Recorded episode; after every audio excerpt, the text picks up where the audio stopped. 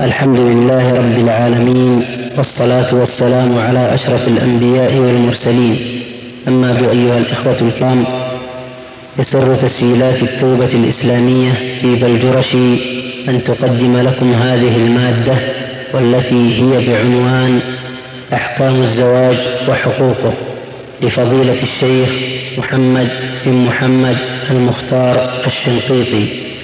وقد أقيم هذا الدرس في مدينة بلجرشي في السابع من الشهر الثالث من عام أربعة عشر وأربعمائة وألف للهجرة. بسم الله الرحمن الرحيم. الحمد لله الذي خلق الذكر والأنثى من نطفة إذا تمنى وأشهد أن لا إله إلا الله وحده لا شريك له له الأسماء والصفات العلى. وأشهد أن سيدنا ونبينا محمدا عبده ورسوله الذي اصطفى واجتبى. صلى الله عليه وعلى آله وأصحابه أولي النهى. وعلى جميع من سار على نهجهم الطيب المبارك ثم اهتدى.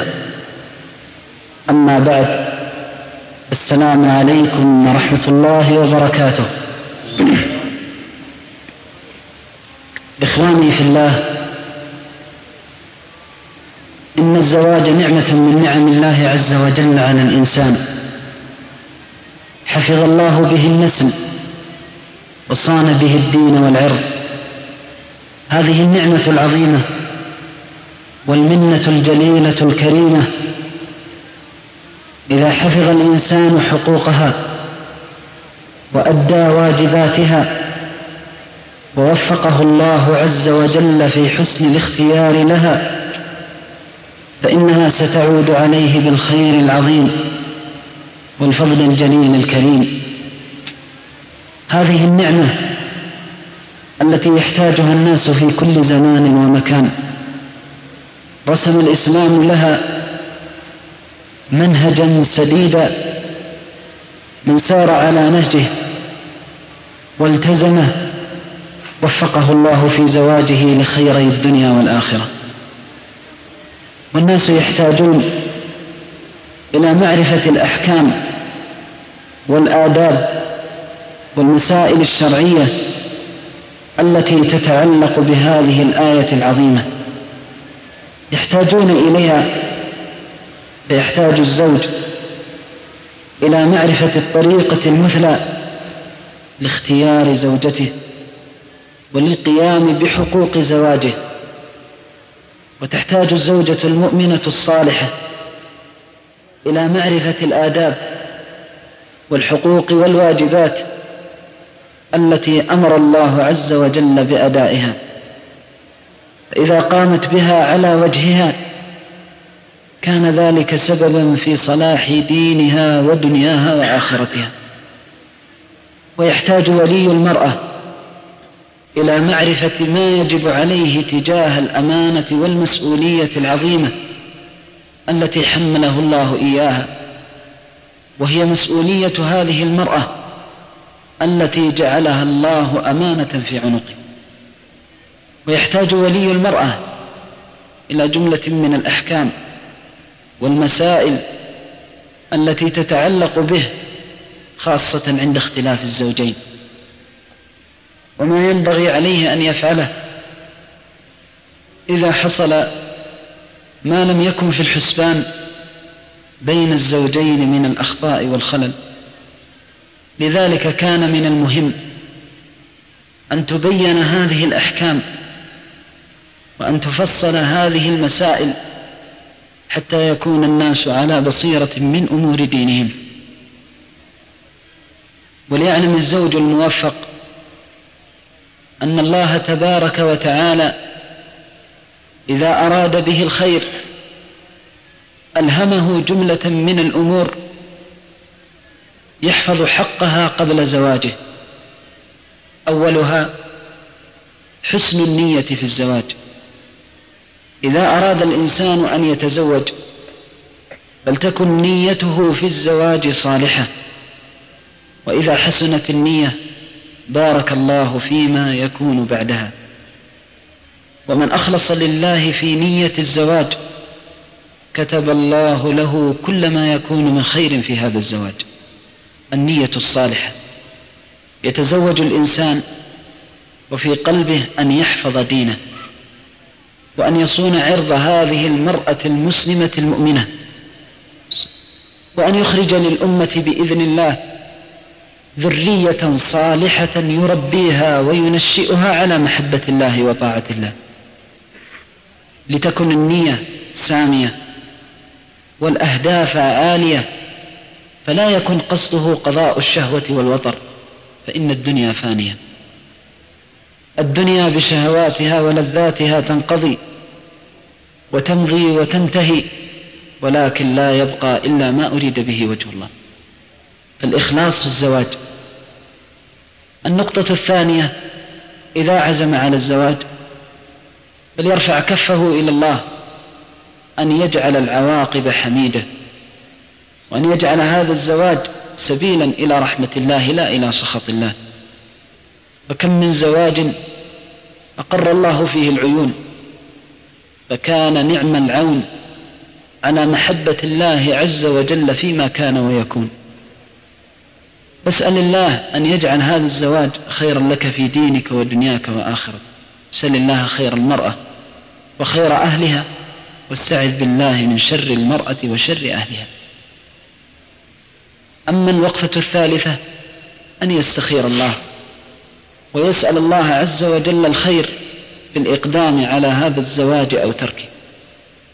فقد يكون الزواج خيرا ولكنه فتنة للإنسان في ذلك الزمن بعينه فيسأل الله الخير. وكلما كان الإنسان يستخير ربه في الأمور كلما أحسن الله له عواقبها وثبت الله قلبه فيما يكون من شر منها. فإذا أراد الله عز وجل أن يتهيأ نفسه لهذه الأمور يقف الوقفة الأولى قبل الزواج. وهي حسن النظر والاختيار. إن الإسلام يطالب المسلم أن يحسن اختيار زوجته. ولذلك قرر العلماء رحمهم الله أن من حقوق الأبناء على آبائهم ومن حقوق البنات على آبائهم أن يحسنوا اختيار أمهاتهم. من حق الإبن والولد على والديه أن يحسن الاختيار. فيختار لولده تلك المرأة الصالحة التي تحفظ دينه وتعينه على ما يحتاج من أمور دنياه. واختيار المرأة الصالحة رسم النبي صلى الله عليه وسلم منهجه وحث وحض عليه.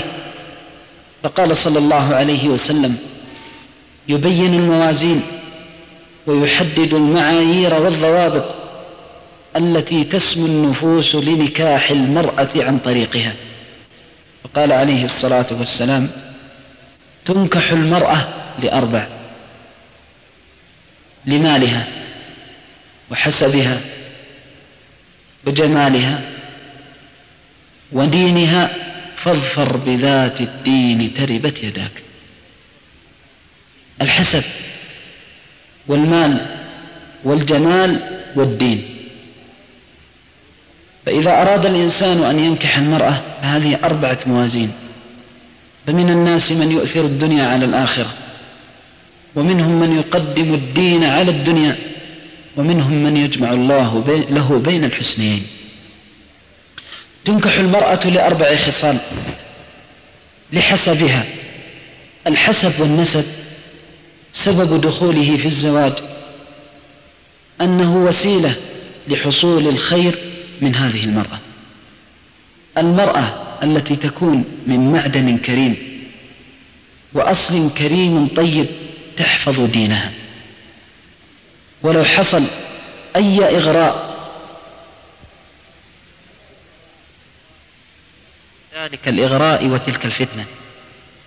ولذلك ينبغي للإنسان أن يحرص قدر استطاعته على أن تكون هذه المرأة ذات حسب يصونها ويحفظها عن الوقوع في الحرام. وأما بالنسبة لنكاح المرأة من أجل مالها فإن المال يصون وجه المرأة ويحفظها عن الوقوع في الحرام. ولذلك إذا كانت المرأة ذات حسب وذات مال حفظت نفسها وحفظت حق زوجها. والمرأة ذات الأصل الكريم لو أصابها الفقر حتى لم تجد فراشا لا تمد يدها إلى أحد لأن طيب معدنها يمنعها من ذل السؤال لغيرها. وكلما كانت المرأة من أصل كريم وجد الإنسان آثار ذلك في ولد. كذلك أيضا تنشأ البنت وينشأ الابن على يد نظيفة نقية تحسن معالجة الأمور. وكلما كانت المرأة من هذا الصنف الطيب المبارك كلما وجد الإنسان عواقبها في حالة السراء والضراء. فيحرص الإنسان الموفق على اختيار هذه النوعية الطيبة الكريمة. إنه إن فعل ذلك فقد أخلص لأهله وولده. إذا اختار المرأة ذات المعدن الكريم فقد أحسن إلى أهله وولده. الوقفة الثانية تنكح لدينها لجمالها. وذكر النبي صلى الله عليه وسلم جمال المرأة لأن الجمال يعف الزوج عن الحرام. وكلما كانت المرأة لها حظها من الجمال. كلما كانت فطرة من الله تمنع الزوج أن تمتد عينه إلى غيرها. ولذلك ذكر النبي صلى الله عليه وسلم هذا الوصف. وهذا إن دل فإنما يدل على حكمة الشريعة. وأنها ليست بشريعة ناقصة تنظر فقط إلى العبادة والزهادة وتغفل الفطرة والغريزة. تنكح للجمال ولكن ليس الجمال كل شيء. فأعطت كل شيء حقه وقدره دون غلو ودون إجحاف. كذلك تنكح لدينها. وهذا هو الأساس. ومنبع الخير. وأصل الفضل الذي يحفظ الله عز وجل به للإنسان بيته وأهله. الدين. المرأة إذا كانت ذات دين حفظها دينها بإذن ربها فتحفظ لسانها وتحفظ جنانها وتحفظ حق بعلها وزوجها. لذلك كان من أهم ما ينبغي على الإنسان أن يطلب المرأة ذات الدين. فالدين فيه خير كثير والمرأة التقية تخاف الله عز وجل وتتقي الله عز وجل. فإن أصابتها الضراء صبرت. وسلت واحتسبت وإن أصابتها السراء شكرت ووجدتها نعم المرأة في سائر الأحوال. والدين مهم لأنه قد تمر على الزوج مواقف محرجة. لا يعصمه الله جل وعلا فيها من زلة القدم إلا بفضله ثم بفضل المرأة ذات الدين. لذلك ينبغي الحرص على المرأة ذات الدين لأنه إذا وقف منها موقفا وقال له اتق الله رعدت فرائصها من خشية الله. وكانت بعيدة وقافة عند حدود الله بعيدة عن محارم الله. تحفظه إذا غاب في نفسها وفي ماله وفي ولده. الدين قوام الخير ومنبع الفضل والبر. هذه أربع خصال ذكرها رسول الهدى صلى الله عليه وسلم. تنكح من أجلها المرأة وخير النساء وأفضل النساء. جمع الله لهن بين هذه الخصال كلها. فإذا وفق الله لهذه الأربع خصال سعى الرجل إلى هذه اليد الكريمة وهذه المرأة لكي يتخذها لكي يتخذها شريكا له في حياته يعينه على طاعة مولاه وربه.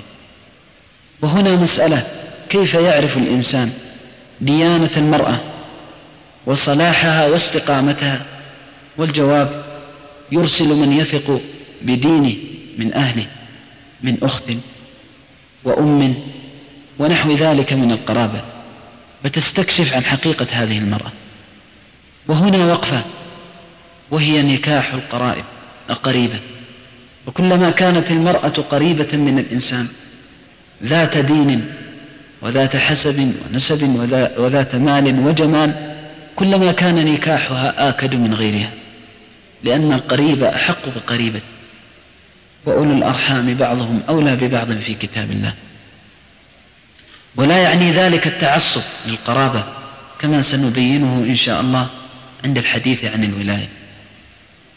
فإذا وفق الله لهذه المرأة فالسنة أن يتقدم إلى وليها. وأولياء النساء هم القرابة من العصبة. وهم على الجهات التالية.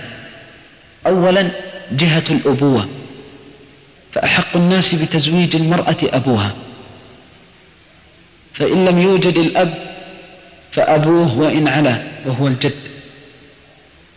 ويلي الأقرب فالأقرب فأبو مقدم على الجد ولو وجد الجد. والأب الأب مقدم على أبي أبي الأب ونحو ذلك. ثم يلي نكاح المرأة بعد الأب الجد.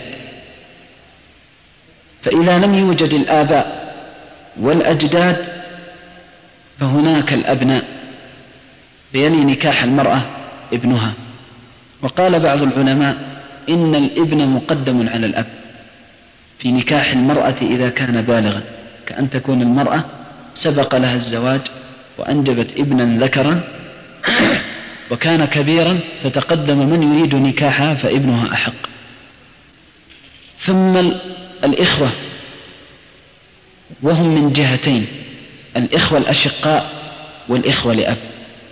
أما الأخ لأم فليس من العصبة لأنه من جهة الأم والعصبة من جهة الآباء.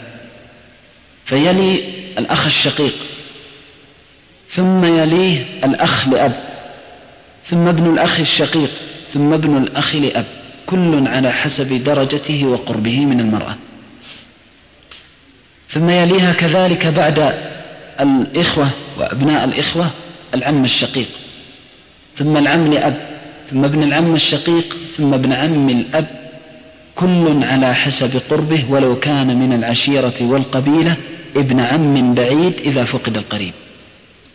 يقوم هذا الولي يتصل الزوج به إما أصالة أو عن طريق الوكالة يوكل من يكلمه. ويتقدم لهذه المرأة طالبا نكاحها فإذا تقدم الرجل إلى الرجل يريد أن ينكحه السلام. يريد أن يزوجه. فإن على الولي حقوقا. أولها إذا كان يعرف الرجل في دينه واستقامته وخلقه حكم على ما يظهر له منه من خير أو شر. فإن كان يعرفه بالدين والخلق ورآه كفءا كريما زوجه وأنكحه ولا يجوز له إذا عرف فيه هذا الخير أن يتأخر وأن يماطل وأن يسوف في هذا الأمر. فإن من الأمور التي أوصى الحكماء بالمبادرة فيها تزويج المرأة إذا حضر كفؤها. هذه من الأمور التي يستعجل فيها. تزويج المرأة إذا حضر كفؤها. لا تؤخر لأن تأخيرها قد يجر عواقب لا تحمد.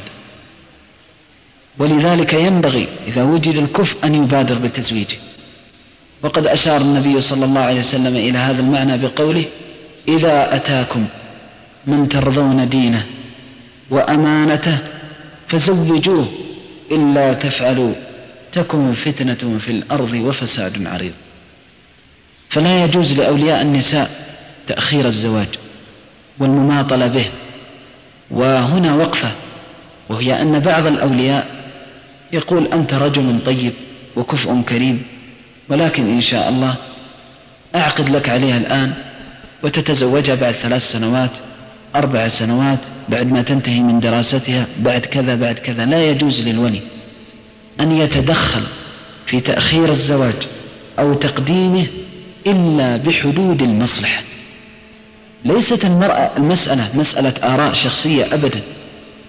إذا كانت المرأة ترغب في أن تزوج الآن تزوج لأنها قد تخاف الزنا وقد تخاف الوقوع في المحظور. فإذا لم يبادر بزواجها مع أنها تخشى على نفسها الفتنة ووقعت في الفتنة بسبب تأخير زواجها حاملة والعياذ بالله إثمها لا يجوز تأخير زواج المرأة خاصة إذا طلبت. فيعرض على المرأة. يقول لها يا فلانة عن طريق أمها إذا كانت تستحي سلي فلانة تريد الزواج الآن أو تريد أن تؤخره؟ والأفضل إذا قالت أريده الآن بادر بالزواج. إلا في حدود ضيقة يغلب على ظنه أن هذا الشهر أو الشهر القادم لا مصلحة للزواج فيه لأمر ما من حصول ضرر عليه أو على بنته أو على الزوج. في حدود ضيقة جدا لأن تأخير الزواج عواقبه لا تحمد. والمرأة إذا استشرفت للزواج لا ينبغي تأخيرها خاصة في هذا الزمان الذي يكثر فيه دخول الحسداء وأهل الحقد. الذين يفرقون بين الجماعات ولا يتقون الله عز وجل في العباد. ولذلك كثير من المشاكل تحصل بسبب العقد على المرأة وتأخير الدخول. فيحصل من الأمور ما الله به عليم. وهذا من بسبب مخالفة السنة. هذا بسبب مخالفة السنة في عدم المبادرة للدخول للزواج والدخول. هذا إذا كان يعرف الرجل والزوج. الحالة الثانية يكون لا يعرف فيقول يا أخي لا أعرفك.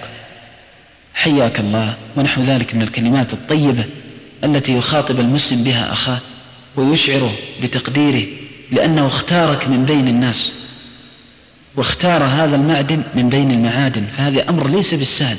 إنسان يأتي ويقول للرجل أريد أن تنكحني بنتا أو أختا. هذا أمر عظيم جدا. اختارك من بين الناس. فليكن مقابلة هذا الشعور بمثله وأفضل منه. هذا شأن الكرام.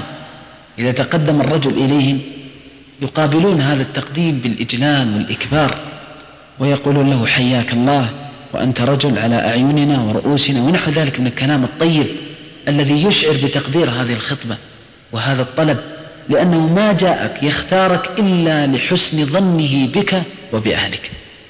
على خلاف ما يظن بعض الناس إذا جاءه الزوج أخذ يهينه وأخذ يترفع عليه وأخذ يظن أن مرتبته فوق مرتبة هذا لا ينبغي. ينبغي أن تستشعر أنه اختارك من بين الناس وأنه ينبغي أن يبادر هذا الشعور بمثله أو أطيب منه.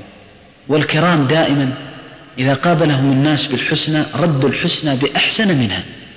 فتقابل بالتي أحسن تقول له يا أخي لا أعرفك فأحب أن تعطيني فرصة نسأل عنك وإن شاء الله أنه ما يكون إلا خير ونحو ذلك من الكلام الطيب. ثم تتحرى عن الرجل.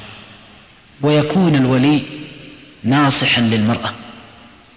لا تأخذه العواطف ولا يستعجل ولا تؤثر فيه الوساطات والشفاعات المصلحة الأولى بعد إرضاء الله عز وجل حسن النظر لهذه المرأة. لأنها أمانة في عنق الإنسان. بنتا أو أختا أو نحو ذلك من القرابات. فيسأل عن الرجل أول ما يسأل عن دينه صلاته محافظة على الصلاة. لأن صلته إذا كانت بالله قوية فمثل هذا يرجى فيه خير. لأنه رجل إذا قلت له غدا يا أخي اتق الله في أختي اتق الله في بنتي رعدت فرائص من خشية الله. ووجدت هذه الكلمة أذنا صاغية وقلبا واعيا. فتحمد حسن الاختيار بالدين. ولذلك جاء رجل إلى الحسن البصري رحمة الله عليه فقال يا إمام إن لي ابنة أريد أنظر كيف حال السلف رحمة الله عليهم. كانوا يستشيرون العلماء ويرجعون إلى أهل العلم والفضل. إن لي ابنة لمن أزوجها؟ قال له زوجها التقي. زوجها التقي الذي يخاف الله ويراقب. زوجها التقي فإنه إن أمسكها أكرمها وإن طلقها لم يظلمها إذا أمسكها أمسكها دون إضرار أو أذية. يمسكها إمساك الإحسان والمعروف وإن طلقها لم يظلمها فلذلك يحرص على دين الرجل يسأل أول شيء عن دينه. ومن كانت صلته بالله ضعيفة وضيع حق الله فهو لما سواه أضيع. ولحق غير الله أضيع. فإذا جحد فضل الله عليه من باب أولى أن يجحد فضل غيره لأنه ليس هناك أعظم من فضل الله على الناس. فتبحث وتسأل أول شيء عن دينه ثم عن خلقه. فقد يكون الرجل يركع ويسجد ولكن معاملة من أسوأ المعاملات والعياذ بالله. والمهم بعد ديانة الإنسان أخلاقه وآدابه وشمائله وكيف يفعل في حالة الغضب والرضا. هذا أمر مهم جدا خلق الإنسان وخلق الزوج لأنه سيقف مع هذه الزوجة حالات سراء يعتريه فيها السرور وحالات ضراء تضيق عليه الأرض بما رحبت. فإذا كان عصبيا شديد الغضب لم يؤمن يوم من الأيام أن ينفذ غضبه في هذه المرأة الضعيفة. وهذا موجود تجد الرجل شديد الغضب كل يوم وهو يقرع الباب يأتي بالمرأة. فتحصل من المصائب والمتاعب ما الله به عليم. فإذا استعجل الإنسان فزوج مثل هذا حمل ما يكون من نتائج النتائج سيئة في تفريط هذه الأعمال. هذه البنت وهذه الأخت إذا استعجلت في نكاحها دون أن تتفحص عن خلق الرجل وسعة قلبه وسعة نفسه فإنك تتحمل مسؤولية ما يكون من هذا الاستعجال. فإذا وجدت الدين محمودا والأخلاق حميدة حينئذ كل ما بعد ذلك يسير. المال الله يغني إن كان فقير الله هو الغني. ولذلك قال تعالى إن يكونوا فقراء يغنهم الله من فضله. وأنكحوا الأيام منكم والصالحين من عبادكم وإمائكم إن يكونوا فقراء يغنهم الله من فضله. وقالت أم المؤمنين عائشة تزوجوا النساء يأتينكم بالأموال. تزوجوا النساء بعض النساء فيهن خير وبركة. إذا تزوجها الإنسان فتح الله بها أبواب الدنيا عليه. وهذا كما ثبت في الصحيح. إن حديث الصحيح إن يكن الشؤم ففي المرأة والدار والدابة. فبعض النساء مبارك. يتزوجهن الإنسان في فقر فيفتح الله عليه أبواب الخير. فلعل هذه المرأة يكون الرجل فقير فلا يلتفت إلى الفقر الفقر ليس كل شيء. المهم الدين. النقطة الثالثة الحسب والنسب. إن كان ذا حسب ونسب فحقه آكد مع الدين. وأما إذا لم يكن ذا حسب وذا نسب فهذا أمر يرجع إلى الرجل ويرجع إلى المرأة. فإن رضيته المرأة ولم يوجد غيره ذا حسب والمرأة تريد أن تعف نفسها فلا يجوز للولي أن يؤخر نكاحها إذا كان ما وجد ذا قرابة ولم يوجد ذا حسب لكي ينكح المرأة ووجد إنسان دونها في الحسب يزوجها ولا حرج.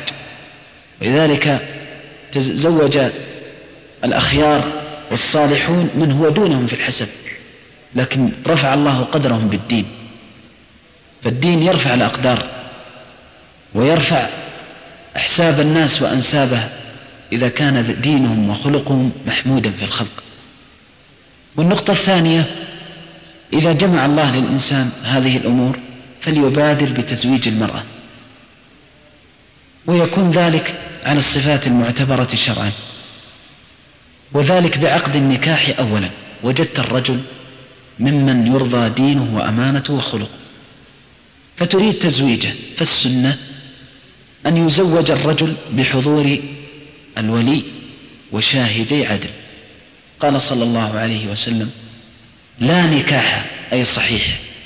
لا نكاح إلا بولي وشاهدي عدل. فلا بد من الولي ثم شاهدي عدل. فيقول الولي للزوج زوجتك أو أنكحتك ابنتي فلانة أو أختي فلانة. ما يقول زوجتك بنتي؟ زوجتك أختي لأن مجهولة.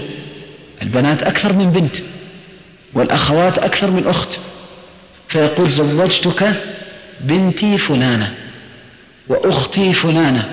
ويقول الزوج بمحضر من شاهدين قبلت نكاح فلانة أو قبلت نكاحها أو قبلت.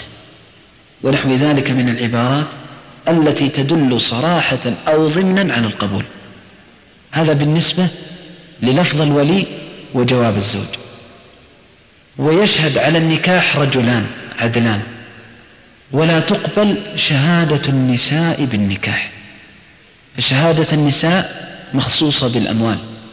أما الأنكحة والحقوق الشخصية فلا يستشهد فيها النساء لأن النبي صلى الله عليه وسلم قال لا نكاح إلا بولي وشاهدي عدل. وكذلك أيضا قال الله تعالى في الرجعة وأشهدوا ذوي عدل منكم. ولو كان للنساء شهادة لقال أو أربع من النسوة كما قال في الأموال فإن لم يكونا رجلين فرجل وامرأتان ممن ترضون من الشهداء. إذا علم هذا فقد تم النكاح بالنسبة للعقد. ولا بد إضافة إلى ما سبق من وجود المهر الذي أمر الله عز وجل بإعطائه للزوجات. وهذا المهر حق من حقوق المرأة فيعطى المهر لها. وينبغي في هذا المهر أن يكون بالمعروف. يعطى للمرأة المهر الذي يناسب مثلها. وتوضيح ذلك أنه إذا كانت المرأة مثلها يزوج بالعشرين ألف أو بخمس وعشرين ألف أو بثلاثين ألف فيقول هذا مهري ثلاثون ألفا عشرون ألفا خمسة عشر ألف عشر ألاف ونحو ذلك. والسنة في المهر أن يكون يسيرا. ما يكون كثير. كلما كان المهر يسيرا كلما وضع الله فيه البركة. ولذلك ورد في الأثر أبرك النساء أيسرهن مؤونة.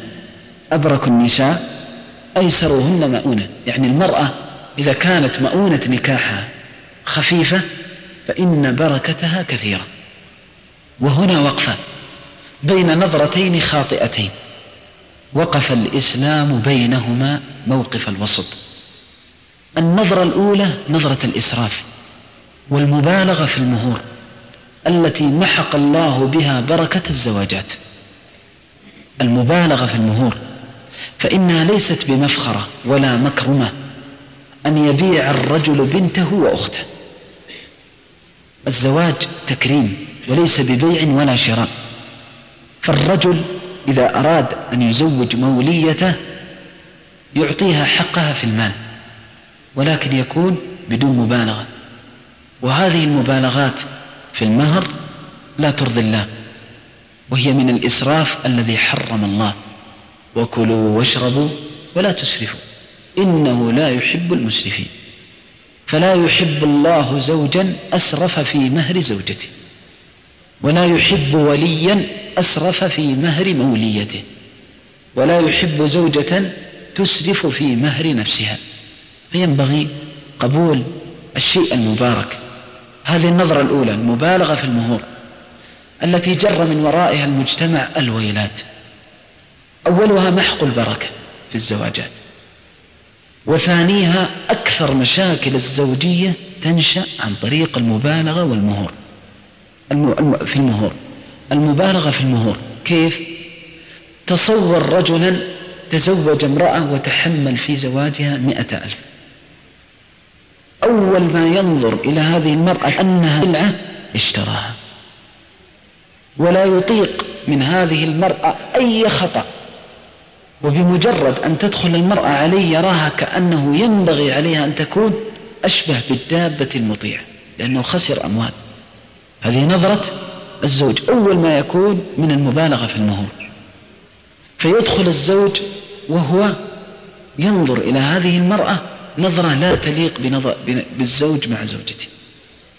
الأمر الذي ينشأ عنه أنها إذا أخطأت أي خطأ لا يغتفر. أنا فعلت أنا دفعت أنا أعطيت. فيقف في وجه المرأة ووجه وليها.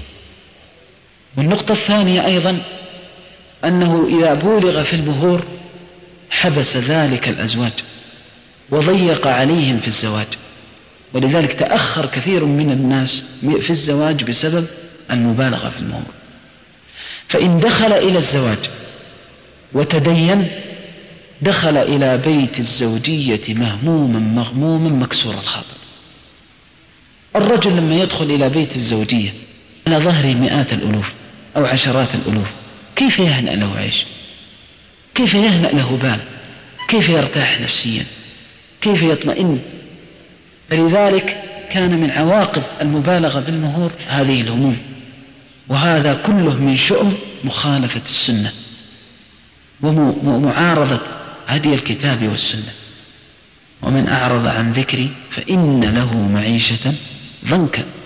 هذا من الضنك الذي وعد الله به كل من خالف هدي الكتاب والسنة. والله نهانا عن الإسراف فهذا أسرف فأذاقه الله المعيشة الضنكا. النقطة الثالثة النقطة الثانية النظرة الضيقة في المهور. إما أن نسرف وإما أن نبالغ في تضييق المهور. امرأة زوجت نفسها بريال. امرأة تزوج نفسها بعشر ريال. هذا أمر طيب يدل على حسن نية المرأة لكن مبالغة. ما نريد هذه المبالغات وهذه الأمور التي تخرج عن الماء عن العقل السوي والمنهج الرضي. الشرع أعطى كل ذي حق قدره. ما ينبغي هذا يعني امرأة تقول مهري ريال؟ وينشر أن فلانة رضيت بزواج بريال. هذا رياء وسمعة. نريد المهر الذي يليق بالمرأة. ما نريد إسراف ولا نريد إجحاف. فمسألة إدناء المهور إلى درجة ملفتة للنظر لا. ثم هذا ظلم للنساء. المرأة لها حق أن تأخذ هذا المهر. وآتوا النساء صدقاتهن نحلة. عطية من الله أعطاهن الله هذا المال. فبأي حق يأتي الأب ويفرض على المرأة زواجها بالريال وبالعشر حتى يقال فلان زوج بنته بريال فيخسر الدنيا والآخرة. خسر الدنيا لأن الله أعطاه هذا المال لكي يعطيه لبنته عطية من الله فحرمها الدنيا التي أباحها الله. وخسر الآخرة. لماذا؟ لأجل يقال فلان زوج امرأته بعشر ريال أو بريال. ما ينبغي هذا. ما ينبغي خلاف المنهج السوي. ولذلك رسول الهدى صلى الله عليه وسلم زوج بناته. ما زوجهم بمهور متدنية؟ زوجهم بمهور تليق بأعرافهم هذا أمر ينبغي حسن النظر فيه. هذا بالنسبة للمهر. يعطى المهر للمرأة. وهنا مسألة. وهي أن البعض يحتال في المهور. يقول للزوج مهر بنتي أو أختي معجل ومؤجل. المعجل خمسة ألاف أو عشرة ألاف أو خمسة عشر ألف والمؤجل مئة ألف إذا طلقت. ما معنى ذلك؟ معناه انتبه لا تطلق. ترى إذا طلقت تدفع مئة ألف يريد أن يضيق على هذا المسكين حتى لا يطلق في شيء أباحه الله له. فقد لا تجتمع القلوب فتبقى هذه في عنقه فيصبح يضر بالمرأة ويضر بزوجها.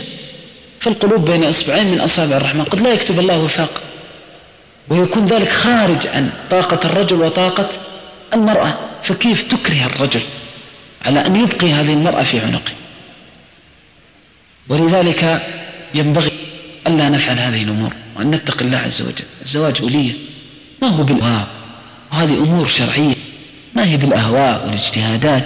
وكل يفعل ما تهواه نفسه لا. يترسم الإنسان المنهج الرضي. حتى إذا وقف بين يدي الله في عرصات يوم القيامة كشفت صفحات أعماله وقد استشار فيها العلماء والحكماء وأعطى كل شيء حقه وقدره فكان ذلك أدعى لنجاته بين يدي الله عز وجل. فإذا عقد على المرأة وأراد الإنسان الدخول بها فالسنة أن يولم بنكاحها في نكاحها. ولذلك قال صلى الله عليه وسلم لعبد الرحمن بن عوف أولم ولو بشاة أولم ولو بشاة. ولذلك نص العلماء على سنية الوليمة للنكاح. وهذا من حكمة الشريعة. حتى يفرق بين الحلال والحرام. فالحلال يظهر والحرام يستر ويكون خفية وهو الزنا والعياذ بالله. والنكاح يشهر والزنا يستر. فلذلك جعل الله الوليمة. ففي هذه الوليمة فوائد عديدة منها تهنئة المسلم بنعمة الله عليه والدعاء بالبركة. قال صلى الله عليه وسلم بارك الله لك. بارك الله لك وعليك وجمع بينكما في خير. هذا يدعو لك وهذا يدعو لك. فقد يأتيك رجل صالح مجاب الدعوة. ممن لا ترد دعوته فيقول بارك الله لك وعليك وجمع بينكما في خير. نعمة كبيرة من الله عز وجل. هذا خير كثير. ومنها حصول الألفة بين المسلمين. فإن الزوج إذا رأى إخوانه المسلمين يهنئوا أحبهم. وأيضا هم أحبوه وعبروا عن هذه المحبة بحضور وليمته. ولذلك شدد النبي صلى الله عليه وسلم في ولائم النكاح ولا يجوز التخلف عنها إلا بعذر. وفي الحديث الصحيح من لم يجب الدعوة فقد عصى أبا القاسم. صلى الله عليه وسلم. فدعوة النكاح تجاب. ومن فوائد هذه الدعوة أنها تحفظ أنساب الناس حتى يعرف أن فلان تزوج من بني فلان. ويعرف أن هذا البيت من هذا البيت. فتحفظ أنساب الناس وأعراضهم وهذا مقصود شرعا حفظ أنساب الناس وحفظ أعراضهم. فيدعى إلى الوليمة. وأيضا نقول في الوليمة ما قلنا في المهور تكون الوليمة بالقدر المعروف. ويدعو الإنسان إليها الناس ولا يقتصر على الأغنياء. فإن شر الطعام الوليمة يدعى لها الأغنياء ويحرمها الفقراء. فمن الخير أن يدعو ضعاف الناس إلى وليمته. ولا يكون إنسان ناقص العقل ناقص النظرة لآخرته. في فيبحث في زواجه ودعوة الزواج عن أعيان القوم وأشرافهم وينسى ضعفاءهم. فإن لأخيك المسلم عليك حقا خاصة إذا كان قريب. تدعو إلى مثل هذه المناسبات بنفس طيبة وروح رضية. فلعل هذا الرجل إذا جاء يدعو لك دعوة يستجيبها الله. لك قال صلى الله عليه وسلم إنما تنصرون بضعفائكم. وقال رب أشعث أغبر ذي طمرين مدفوع بالأمر لو أقسم على الله لأبره فتدعو إلى وليمتك. أغنياء الناس وفقراء. ولا تجعل دعوتك في الوليمة مخصوصة بالأغنياء. ولكن ابحث الناس الخيرين الدينين سواء كانوا أغنياء أو فقراء. فيدعو الإنسان الناس إلى وليمة والسنة تكون هذه الوليمة على ما يرضي الله رسوله؟ فمن شكر نعم الله عز وجل عليك أن يسر لك بيت الزوجية أن تبنيه في أول ما تبنيه على مرضات الله لا على ما يسخط الله عز وجل. لا تجامل الناس ولا تجاريهم في العادات والأعراف ولكن اتق الله عز وجل. انجو بنفسك من عذاب يوم عظيم. إياك أن تجمع الناس على حرمة الله إياك أن تجمع الناس على ما يغضب الله فإن الله سائلك ومحاسبك. فليكن أول ما تفكر فيه أن يكون الزواج زواجا إسلاميا على المنهج الذي يرضي الله ورسوله صلى الله عليه وسلم. فلا يكون فيه ما لا يرضي الله عز وجل من الأقوال والأفعال التي لا يحبها الله ولا يرضاها. وادعو إليه العلماء والأخيار وأهل الفضل وأهل النبل ثم ابتعد عن الإسراف والبذخ في الولائم. وكذلك أيضا أعن الناس على أمور دينهم. فاجعل ساعات الزواج لا تجحف بالناس لا تسهرهم حتى تضيع عليهم الصلوات. ولكن يكون وقت الزواج وقتا معقولا يعين الناس على القيام لصلاة الفجر وأداء فريضة الله عز وجل. كذلك أيضا يسلم هذا الزواج من الفحش ومن الأمر المحرم فيحرص الإنسان عن البعد عن الأمور التي لا ترضي الله عز وجل ويدعو إليه كما قلنا الأخيار للأشرار والأبرار للفجار حتى يكون أدعى لرحمة الكريم الغفار. ثم إذا أراد الرجل أن يدخل على زوجته فالسنة أن يسأل الله خيرها وخير ما جبلت عليه ويعوذ بالله من شرها وشر ما جبلت عليه. ثم يقول الأذكار الشرعية بسم الله اللهم جنبنا الشيطان وجنب الشيطان ما رزقتنا. الله أكبر ما أعظم من دين. يعيش مع الرجل حتى مع أهله وفراشه من كمال شريعتنا. وهذه الدعوة يعصم الله بها الولد من الشيطان. قال فإن قدر بينهما ولد لم يضره الشيطان. وهذه نعمة عظيمة من الله جل وعلا أن يحفظ الله ذريتك. ولذلك قالوا إن الشيطان إذا حفظ الله منه الذرية كان ذلك مظنة الخير منها. كما قال الله تعالى عنها كما قال الله تعالى في دعاء الصالحين فقال عن نبيه رب هب لي من لدنك ذرية طيبة. الذرية قد تكون طيبة وقد تكون غير طيبة تطيب بعصمة الله عز وجل لها. أن الرجل إذا جامع أهله ولم يذكر الله جامع الشيطان معه والعياذ بالله. ولذلك قال تعالى وشاركهم في الأموال والأولاد وعدهم وما يعدهم الشيطان إلا غرورا. في قوله تعالى وشاركهم في الأموال والأولاد قالوا إن الرجل يجامع زوجته دون ذكر الله. ولذلك يخرج بعض الأولاد شقيا لا خير فيه. وهذا يقولون من بعض أسباب عدم ذكر الله عند الجماع وقال العلماء إن هذا الحديث يدل على أن من حق الإبن على أبيه أن يذكر الله عند إصابة الأهل.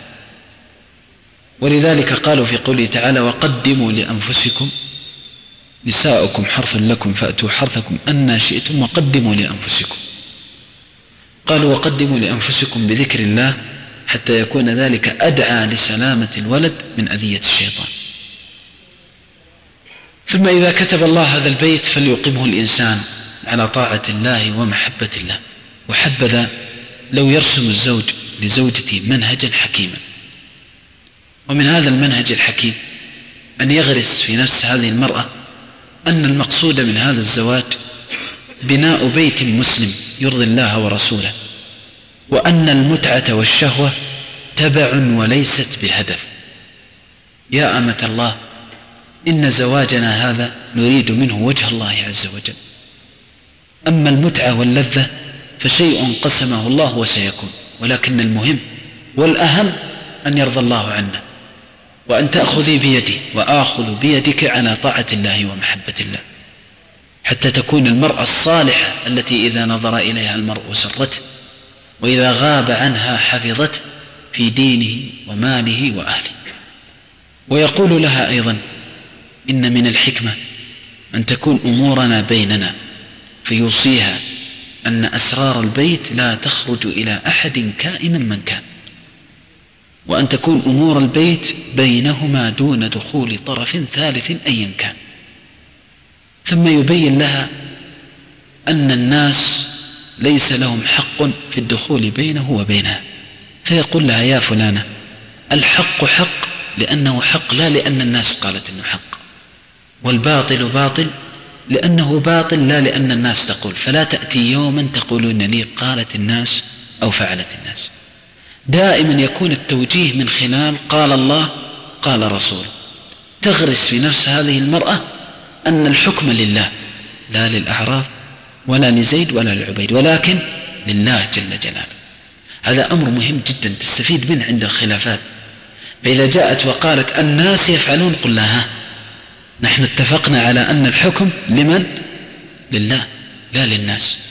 فهل أنت تريد مرضاة الله أو تريدي مرضاة الناس؟ تأخذ عليها العهد. من البداية على أن الأمور تسير وفق منهج الله.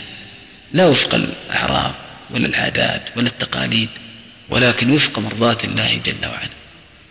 ثم هناك أمور ينبه لها الزوج الصالح هو الإحسان إلى المرأة. الإحسان إلى زوجه بمجرد ما تعقد على المرأة اعلم علم اليقين. أنك قد وضعت في عنقك أمانة تسأل عنها بين يدي الله جل وعلا. فإما أن ترحم بها وإما أن تعذب. ولذلك ثبت في الحديث الصحيح عن النبي صلى الله عليه وسلم أنه إذا ضرب الصراط على متن جهنم وأمر الناس أن يمروا على الصراط قال صلى الله عليه وسلم. فقامت الأمانة والرحم على جنبتي الصراط. الأمانة والرحم. الأمانة ومنها الزوجة فإنك بمجرد ما تعقد عليها حملت أمانته ورفع وليها. هذه الأمانة من عنقه ووضعها في عنقك. فإما إلى جنة وإما إلى نار والعياذ بالله. فينبغي للإنسان يستشعر هذه المسؤولية ويحسن يكون خير الأزواج لزوجته. ولذلك ندبنا رسول الهدى صلى الله عليه وسلم إلى هذا الخلق الكريم أن نكون خير ما يكون الزوج لزوجته. قال صلى الله عليه وسلم إن خياركم إن خياركم يعني أحبكم إلى الله وأكثركم خيرا عند الله أحاسنكم أخلاقا وخيركم خيركم لأهلي وأنا خيركم لأهلي. الخيرية للأهل فتكون خير زوج لزوجته ولذلك من الأزواج من لم يسب زوجته طيلة حياته ومن الأزواج من لم يرفع يده على زوجته إلى لقاء الله جل وعلا. سمعت رجالا يضربون نساءهم فشلت يميني حين أضرب زينبا. ما يرفع يده على زوجته يأسرها بالمعروف وبالخلق الكريم وبالمعاملة الطيبة. يتأسى برسول الهدى صلى الله عليه وسلم. أحق من تبذل له الأخلاق والكلام الطيب والعشرة الطيبة والإحسان هم أهلك. هذه المرأة الضعيفة التي جلست بين جدران أربعة ترعى مالك. وترعى أولادك وتقوم على شأنك. ولذلك أسمعت أم عقيل رضي الله عنه عقيل بن أبي طالب ما يكرهه. زوجة عقيل أسمعته يوم من الأيام ما يكره. فسبت وشتمت. فخرج عقيل في الظهر إلى عمر يشتكي إليه ويأخذ رأيه في هذه المرأة. وهكذا كان السلف الصالح. ما يتصرفون في مثل هذه المواقف إلا بعد استشارة من يوثق بدينه وعقله. فجاء إلى عمر فلما وقف بالباب سمع امرأة عمر تسب عمر. هو جاء يشتكي امرأته وإذا بي يقف على أمير المؤمنين يسمع زوجته تسبه. فقال إذا كان هذا أمير المؤمنين فأين أنا؟ فانصرف. فلمحت عين عمر عقيلا وهو ينصرف فناداه. فلما جاءه قال ما الذي أقدمك هذه الساعة؟ قال خيرا يا أمير هو خير. فقال عزمت عليك إلا أخبرتني فقال يا أمير المؤمنين إن أم فلان أسمعتني ما أكره. فقلت آتي أمير المؤمنين وأشتكي إليه. فلما وقفت بالباب سمعت زوجة عمر تسب عمر. فقلت هذا أمير المؤمنين فأين أنا من أمير المؤمنين؟ فقال يا عقيل إنها امرأتي ترضع صغيري وتغسل ثوبي فأنا أمسكها من أجل ذلك. يعني لما أذكر حسناتها علي أغفر جميع زلاتها وسيئاتها. وهذا شأن الكرام. أشار إلى هذا المعنى النبيل الكريم رسول الهدى صلى الله عليه وسلم. ففي صحيح مسلم عنه عليه الصلاة والسلام أنه قال لا يفرك مؤمن مؤمنة. لا يفرك يعني لا يبغض. لا يبغض. لا يبغض. لا يفرك مؤمن مؤمنة إن كره منها خلقا أحب منها آخر.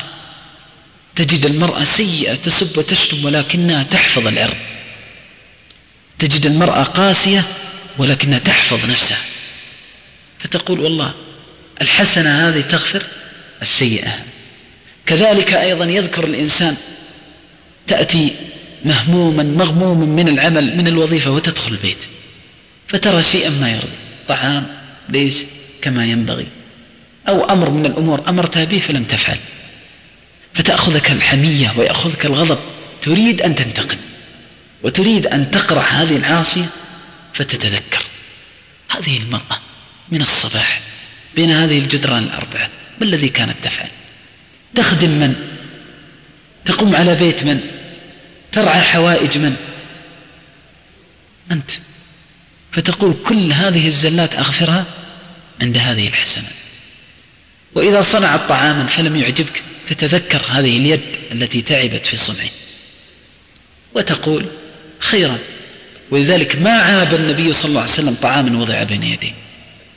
أبدا صلوات الله وسلم ما يتكلم في الطعام. إن أعجبه أكل. وإن كانت النفس لا تشتهي أعرض عنه ما يتكلم.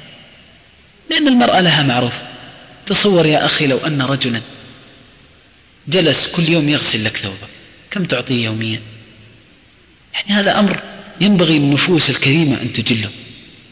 قد يكون غسل الثياب سهل عند البعض لكن لما يتذكر أنها ثيابه وأنها تقصد كرامته يصبح شيء كبير جدا.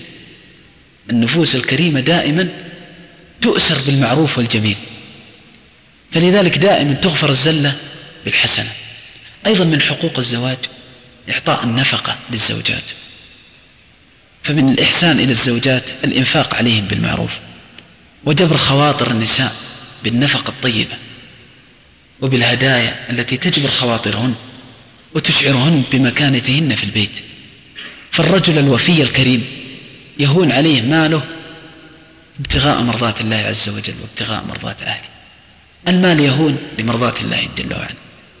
بعض الأزواج يدقق ويشدد والشهر كله المئتين والمئة. سبحان الله ويأتيها الضيف الغريب الذي ربما ما رآه إلا مرة واحدة في عمره كم يكلفه؟ يتكلف له بالألف والألفين. هذا صحيح ولا لا؟ هذه المجاملات والمهاترات نتهاوى فيها. وحقوق الزوجات والأرحام الذين وصى الله بهم من فوق سبع سماوات نضيق وتجد ما شاء الله يحفظ نصوص الشرع كاملة بمجرد ما تأتي هذه الضعيفة في مناسبة لقريبة ذات صلة بها تريد أن تهدي لها تريد المئة والمئتين يقيم الدنيا ويقعدها. لا تسرفي أنت تضيع الأموال أنت ما تتقي الله وهو يسرف آناء الليل وأطراف النهار فيما قد يكون من النوافل التي لا تجب عليه ويضيع هذه الحقوق. لا ينبغي هذا. ولذلك لم يبارك الله لكثير من الأزواج في زواجه. والمرأة لها عقل كما أن للرجل عقل. فتزنك تزنها الرجل ينبغي أن يكون حكيم. ثم المال اليسير. يأتي به الإنسان في موقف معين.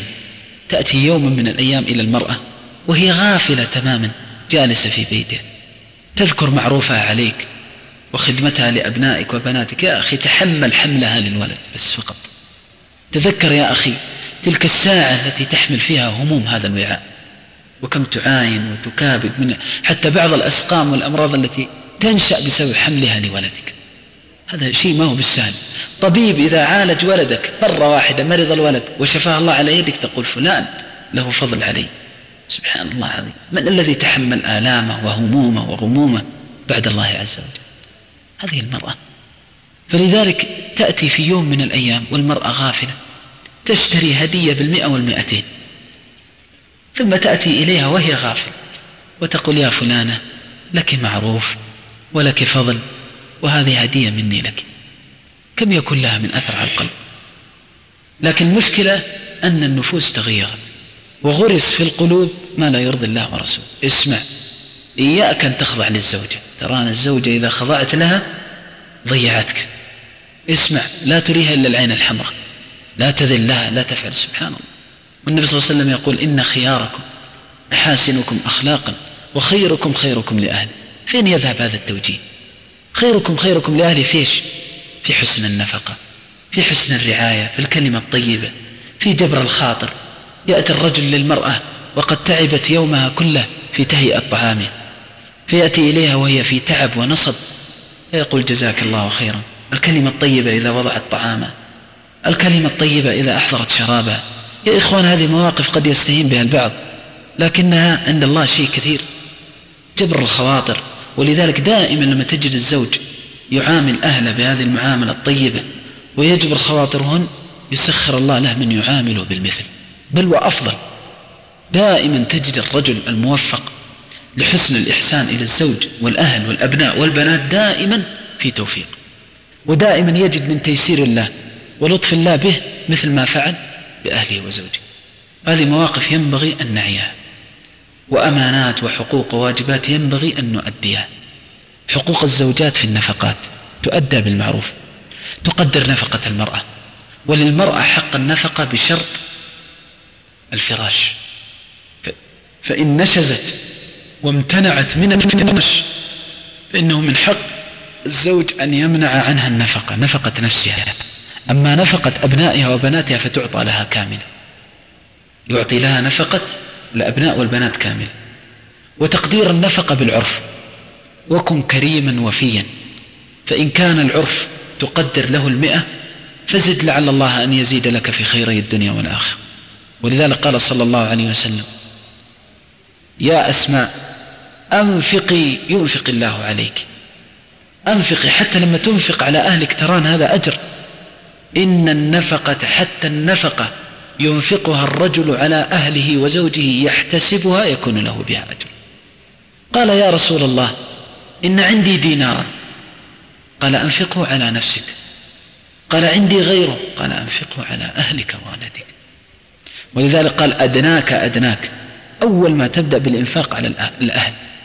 فنسأل الله العظيم رب العرش الكريم أن يوفقنا بأداء هذه الحقوق على الوجه الذي يرضيه عنا. ولا شك أن حقوق الزواج عظيمة وكثيرة ويطول فيها الكلام ولكن من أعظمها حق النفقة وحق الفراش. فآخر ما أختم به هذه الكلمة المعاشرة بالمعروف في الفراش أداء حق الزوجة في الفراش. فينبغي للرجل أن يؤديه على أتم الوجوه وأكمله لأن الله عز وجل جعل الزواج طريقا لعفة الرجل وعفة المرأة. فينبغي للرجل أن يؤدي حق المرأة في الزواج. في الفراش. وكذلك المرأة تسمع وتطيع لبعلها في هذا الحق الذي لا حياء فيه لأن الله يصوم به أعراض المسلمين ويعف به أبصارهم عن الحرام فالمرأة إذا حفظت لزوجها هذا الحق حفظت به دينه وغضت به بصره وأعانته على طاعة الله جل وعلا. فإذا دعا الزوج امرأته إلى الفراش حرم عليها أن تمتنع إلا بعذر شرعي. ولذلك ورد في الحديث الصحيح أن المرأة إذا امتنعت من فراش زوجها لعنتها الملائكة حتى تصبح. وفي الحديث الصحيح عن النبي صلى الله عليه وسلم أن المرأة إذا أبت على زوجها كان الذي في السماء ساخطا عليها حتى يرضى عليها زوجها. هذا أمر عظيم. حق الفراش حق للزوج. وكذلك حق للزوجة في المتعة.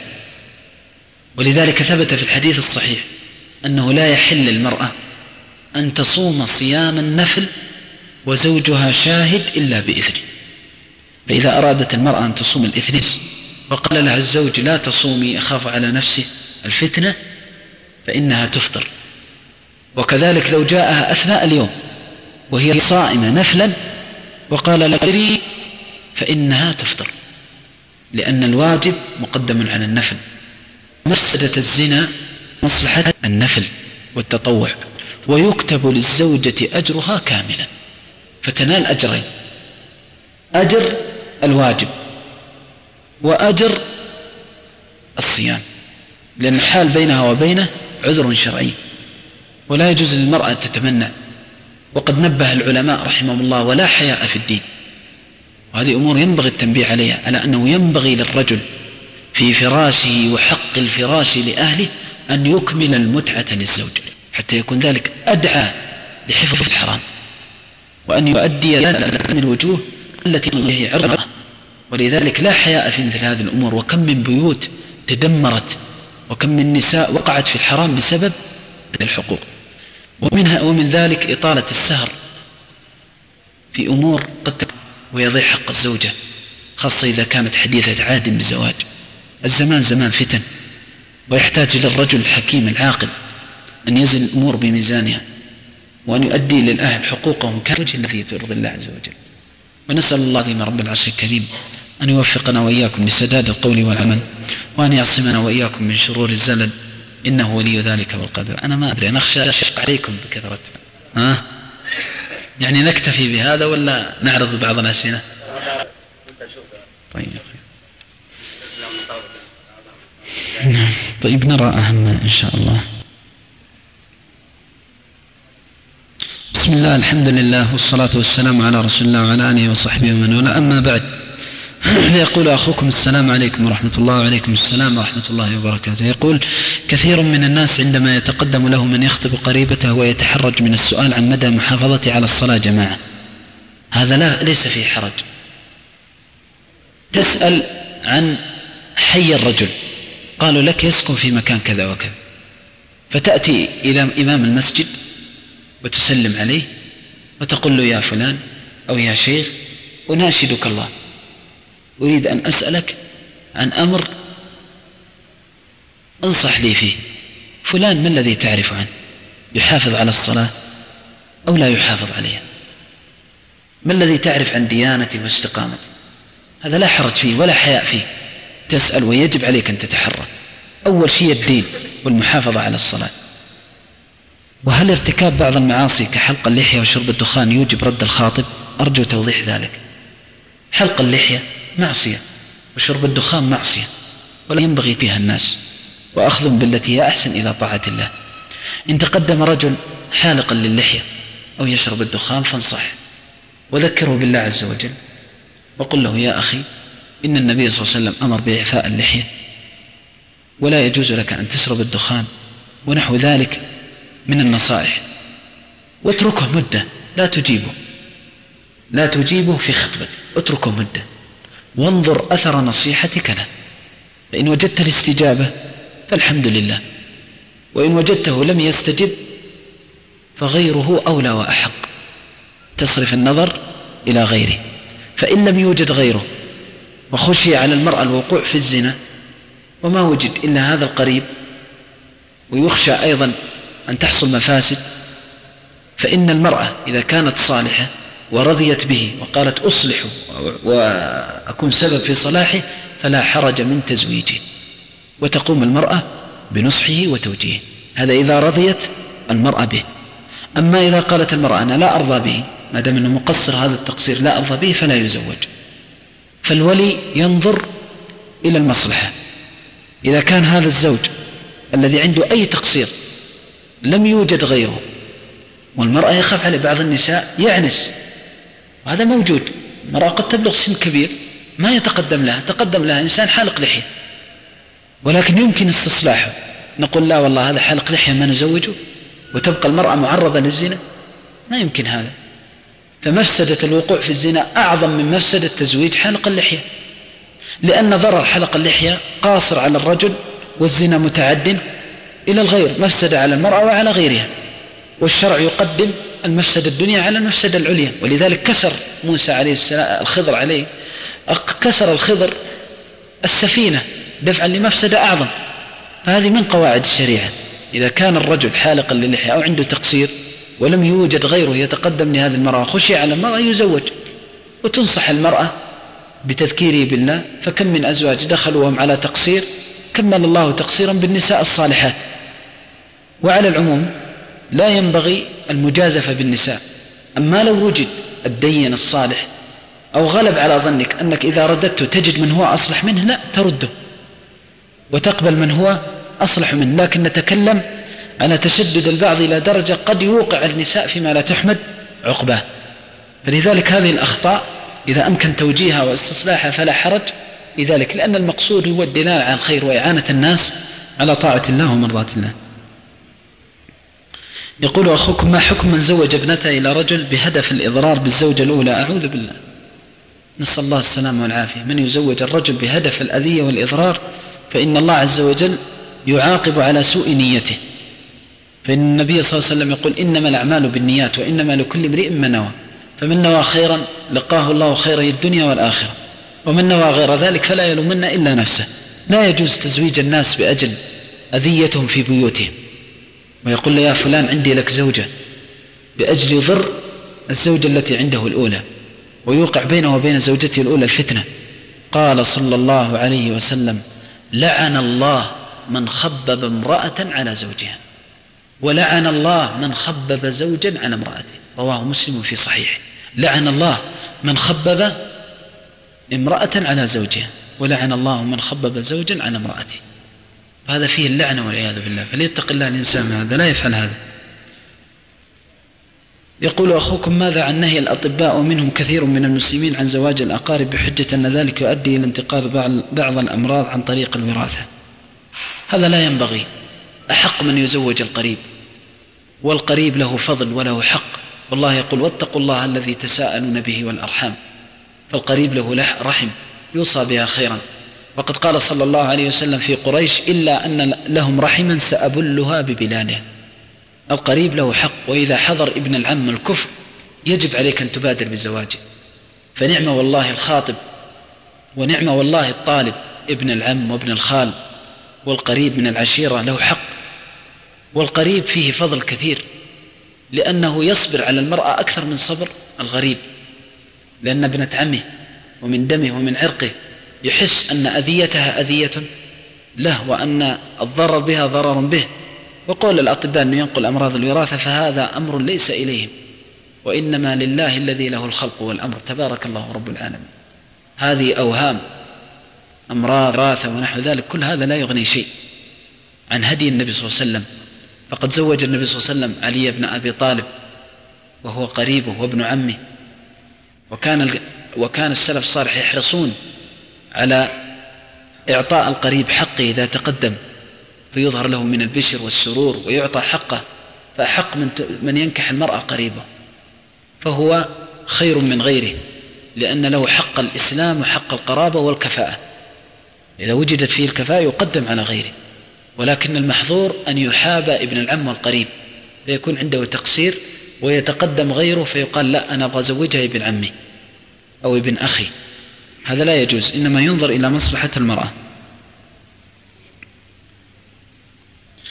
يقول أخوكم إنني شاب ملتزم بطاعة الله ومتزوج ولكني شديد الغيرة مما أدى إلى أني أصبحت لا أتقي لا أثق بزوجتي. وأصبحت الخصومة بيننا تثور لأتفه الأسباب ولولا أني أخشى أن أطلقها أظلمها لطلقتها وارتحت من هذا العناء. حاولت أن أخفف من غيرتي وشكي فلم أستطع فما توجيهك لي في هذه الحالة. جزاك الله خيرا. اتق الله. اتق الله عز وجل. فإن الله عز وجل قل إن بعض الظن إثم. ومن أدخل في قلبه سوء الظن بأهله فإن الله يحاسب ويسأل عن هذا. لا يجوز سوء الظن بالمسلمين. فكيف بفراش الإنسان؟ فاحمل الأمور على أحسن المحامل واطلب لها مخرجا. ولذلك بسبب سوء ظنك عاقبك الله بهذه الهموم وهذا العناء. فمن يكثر الشك في أهله ينكد الله عليه حياة الزوجية. وهذا الذي تجد في قلبك نفث من الشيطان. وأوصيك إذا وجدت هذا النفث أن تدفل عن يسارك ثلاثا وأن تكثر من تلاوة القرآن. وذكر الله وأن تكثر من قولك اللهم إني أعوذ بك من وسوسة الصدر. خسئ عدو الله يريد أن يفرق بينك وبين أهلك. وإذا فرق ارتفعت درجته عند عدو الله إبليس. فاتق الله لا تفسد فراشك عليك. ومن الآن اغسل قلبك لهذه المؤمنة ولا تسئ ظنك بها. وادخل إلى بيتك وأنت على حسن ظن بأهلك. وحب لأختك المسلمة مثل ما تحب لنفسك. هل ترضى أن تزوج بنتك أو أختك ممن يسيء الظن بها؟ ما ترضى. وهل ترضى أن يساء الظن بك؟ ما ترضى. الغيرة لها حدود فإن زادت عن حدها ظلمت وأجحفت. فأوصيك أن تتق الله وحافظ على أذكار الصباح والمساء. وبمجرد ما تجد هذا أدفل عن يسارك ثلاثة. وغير من أسلوبك مع أهلك وزوجك واتق الله عز وجل في أهلك. وأسأل الله العظيم رب العرش الكريم أن يزيل عنك هذا العناء. وأن يعجل لنا ولك بهذا بالفرج. وقولك أنا ملتزم من الالتزام أن تلتزم حدود, الله. ومن حدود الله أن تحسن الظن بعباد الله. وهذا أمر واجب عليك وواجب على كل مسلم. ألا يسيء الظن بإخوانه المسلمين. نعم.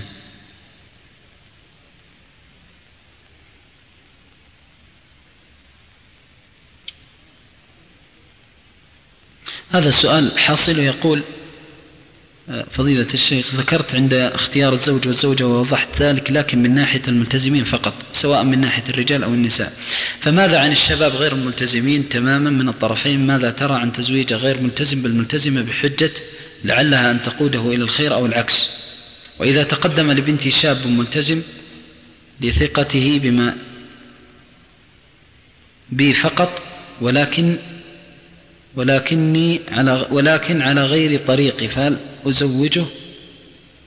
وضح ذلك حفظك الله.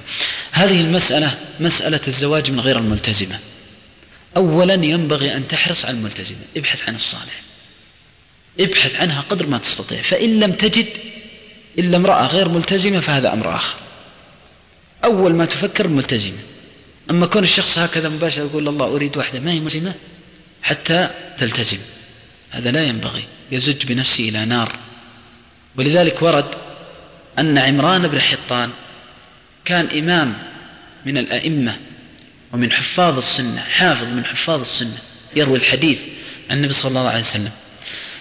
هذا الشيخ العالم في زمانه كانت له ابنة عم من الخوارج. ابنة عم من الخوارج والعياذ بالله من الشراة قسم من الخوارج وطائفة من الخوارج. فقال أتزوجها؟ وأهديها إلى مذهب أهل السنة والجماعة. فتزوجها فصار خارجيا من الشراة والعياذ بالله. أخذته لذلك استهوت بعبادتها وما هي عليه والعياذ بالله من بدعة والهوى.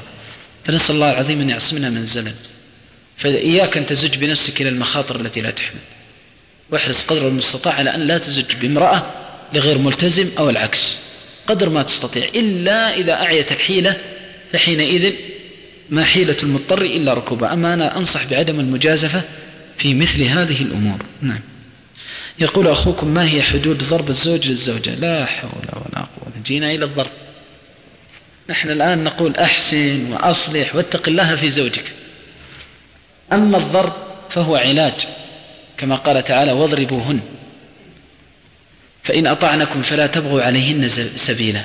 ضرب الزوجة يشرع ولكن بالطريقة الشرعية. أولا يعظ الإنسان المرأة. يا أمة الله اتق الله. يعظها بأسلوب مؤثر. يا أمة الله خاف الله. هذا إذا امتنعت من الفراش. إذا امتنعت من فراشها. يقول لها يا أمة الله اتق الله. يا أمة الله خاف الله. فإذا كان ما سمعت النصيحة حينئذ يهددها بأنه يعني يضربها إذا امتنعت. فإذا لم يعي التهديد فحينئذ يضربها. فلا يضرب الوجه ولا يقبح. ولكن قال بعض العلماء يضرب الكتف ويضرب على الظهر مواضع الضرب ولكن ضربا غير مبرح. الضرب الذي هو غير مبرح. لأن المراد إشعارها بنوع من الإهانة للتقصير وليس المراد الأذية والإضرار. الأذية والإضرار ليست مرادة. يعني البعض يأخذ العصا ثم يستلم المرأة نسأل الله السلامة والعافية كأنه يجلد ذي حد. هذا لا يجوز. بشرة المسلمين وأعضاء المسلمين محرمة. إن دماءكم وأموالكم وأعراضكم عليكم حرام. محرمة. بشرة المسلم ما تمس بدون حق. ولذلك قالوا لا يضرب ضربا مبرحا مثل أن يأخذ العصا ويرفع ضرب الحقد الذي يرى منه باطل ويضربها لا. إنما يضربها على كتفها بيده ونحو ذلك من الضرب غير المبرح كما قال صلى الله عليه وسلم واضربوهن ضربا غير مبرح ولذلك الضرب يشرع. ولذلك لما نهى النبي صلى الله عليه وسلم عن ضرب الزوجات اشتكى الصحابة إلى النبي صلى الله عليه وسلم. فلما اشتكوا إليه أجاز النبي صلى الله عليه وسلم لهن الضرب للأزواج الضرب. ما مضت يوم إلا والنساء يطوف ببيت النبي صلى الله عليه وسلم. ما من امرأة إلا وجدت حظا من هذه الوصية. فأطاف نساء ببيوت النبي صلى الله عليه وسلم يشتكين أزواجهم. يشتكون إلى رسول الرحمة والهدى صلوات الله عليه فوقف عليه الصلاة والسلام على المنبر وثرب هذا وعابه وقال إن الرجل يضرب امرأته ثم تكون ضجيعته. يعني الإنسان يضرب شيء في لحظة غضب ثم بعد ذلك تكون ضجيعته. ما يليق بمن أدخل الأنس على الإنسان أن تأتي الساعة الذي يها التي يهان فيها. كأن النبي صلى الله عليه وسلم يذكر مثل هذه المواقف. فلا ينبغي ضرب النساء وأذيتهم بنا إنما يفضل أن يكون الإنسان محبوبا لا مهيوبا. كن ممن يحب ولا يهاب فإن المرأة إذا أحبت زوجها بحسن المعاملة بمجرد ما يعرض بوجهه عنها تقوم الدنيا عليها وتقول إي والله الزوج إذا كان كريم. المشكلة أن كثير من الأزواج دخلوا إلى بيت الزوجية بنظرات خاطئة من الجاهلية. فالرجل يقول لابنه إياك أن تلين للمرأة وأهنها واريها العين الحمراء وافعل وافعل.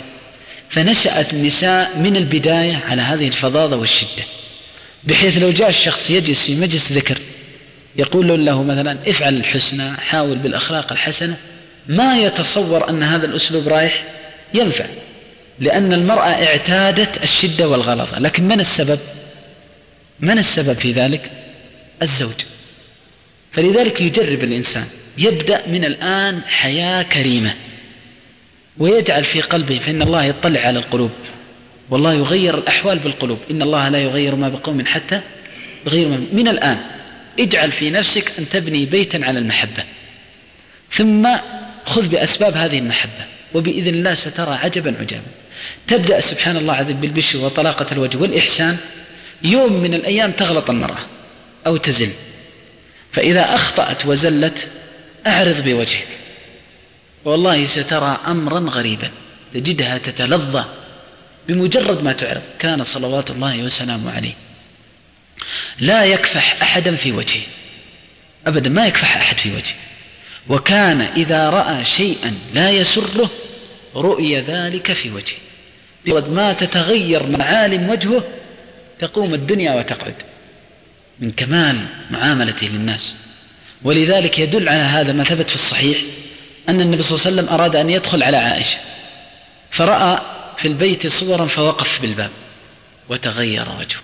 فمباشرة لما فعل ذلك ماذا قالت عائشة؟ أغضب الله من أغضبك يا رسول الله. صلى الله عليه وسلم. هذه المعاشرة بالمعروف. فالزوج إذا عاشر بالمعروف ملك قلب المرأة. وكم من أزواج خرجوا من الدنيا وقد أسرت قلوب زوجات بالمعروف والمعاشرة الكريمة. فنسأل الله العظيم رب العرش الكريم أن يجعلنا ولكم أوفر حظ ونصيب آخر دعوانا الحمد لله رب العالمين وصلى الله عليه وسلم. إذا كان مثل المرأة لما أوصي للرجل أوصي المرأة. ما في نساء. انتبه لا يسيطر عليك. من أول مرة عملية إذا أنت تتكلم على الرجل وتترك الله المستعان على العموم أنا أشد على الرجال لأن الرجل من الصبر ما ليس عند المرأة. والرجل يتحمل وزمام الأمر بيد الله ثم بيد الرجل. من الذي يأمر في البيت؟ من الذي ينهى؟ من الذي يترك الرجل؟ نحن إذا شددنا على الرجل فمن باب قسى ليزدجروا ومن يك حازما على قل الحقيقة نعم حتى النساء يطالبن.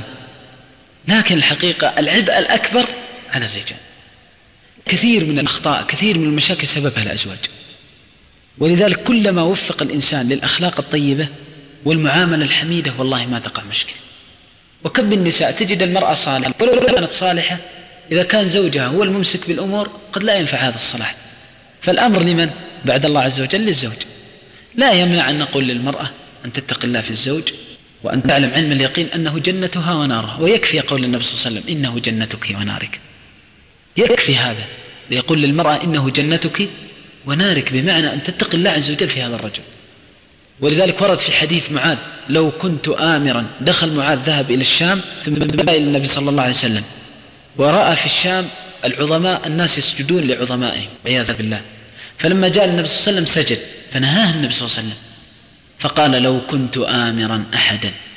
أن يسجد لأحد لأمرت المرأة أن تسجد لزوجها لعظيم حقها عليه. وهو حديث حسن. هذا أمر يدل على عظيم الزوج على الزوجة وينبغي للمرأة أن لا تدخل في ذهنها الأخطاء الأفكار الخاطئة وتدخل أيضا الأهواء التي لا ترضي الله ورسوله وتسعى في أذية الزوج والتضييق عليه هذا كله لا يجوز. فعلى العموم إن شاء الله إذا كتب الله عز وجل جلسة ثانية ويكون فيها إن شاء الله النساء فسينال حظهن إن شاء الله من هذا. ولكن نظرا لغيابهن يعني يعتبر هذا عذر تخصيص الرجال. والله تعالى أعلم. وآخر ونسأل الله العظيم رب العرش الكريم أن يرزقنا وإياكم العلم النافع والعمل الصالح وأسأل الله أن يشكر لكم هذا المسعى وهذا الحضور وأن يكتبكم هذا المجلس ويكتبه لنا ويجعله خالصا لوجهه الكريم وأن لا يجعل فينا ولا منا ولا معنا شقيا ولا محروما. وأن يجعل تفرقنا من بعد هذا المكان الطيب تفرقا معصوما. اللهم إنا نسألك أن تجعل هذا الكلام حجة لنا لا حجة علينا. اللهم اشرح صدورنا ونور قلوبنا واهدنا لما يرضيك عنا. اللهم استر عوراتنا وآمن روعاتنا وأجرنا من خزي الدنيا وعذاب الآخرة. اللهم أصلح عاقبتنا في الأمور كلها. اللهم أصلح عاقبتنا في الأمور كلها وأجرنا من خزي الدنيا وعذاب الآخرة. اللهم إنا نعوذ بك من درك الشقاء. وسوء القضاء ومن جهد البلاء وشماتة الأعداء. لا إله إلا أنت سبحانك إنا كنا من الظالمين. سبحان ربك رب العزة عما يصفون. وسلام على المرسلين. والحمد لله رب العالمين. وصلى الله وسلم وبارك على نبينا تم تنزيل هذه المادة من موقع نداء الإسلام www.islam-call.com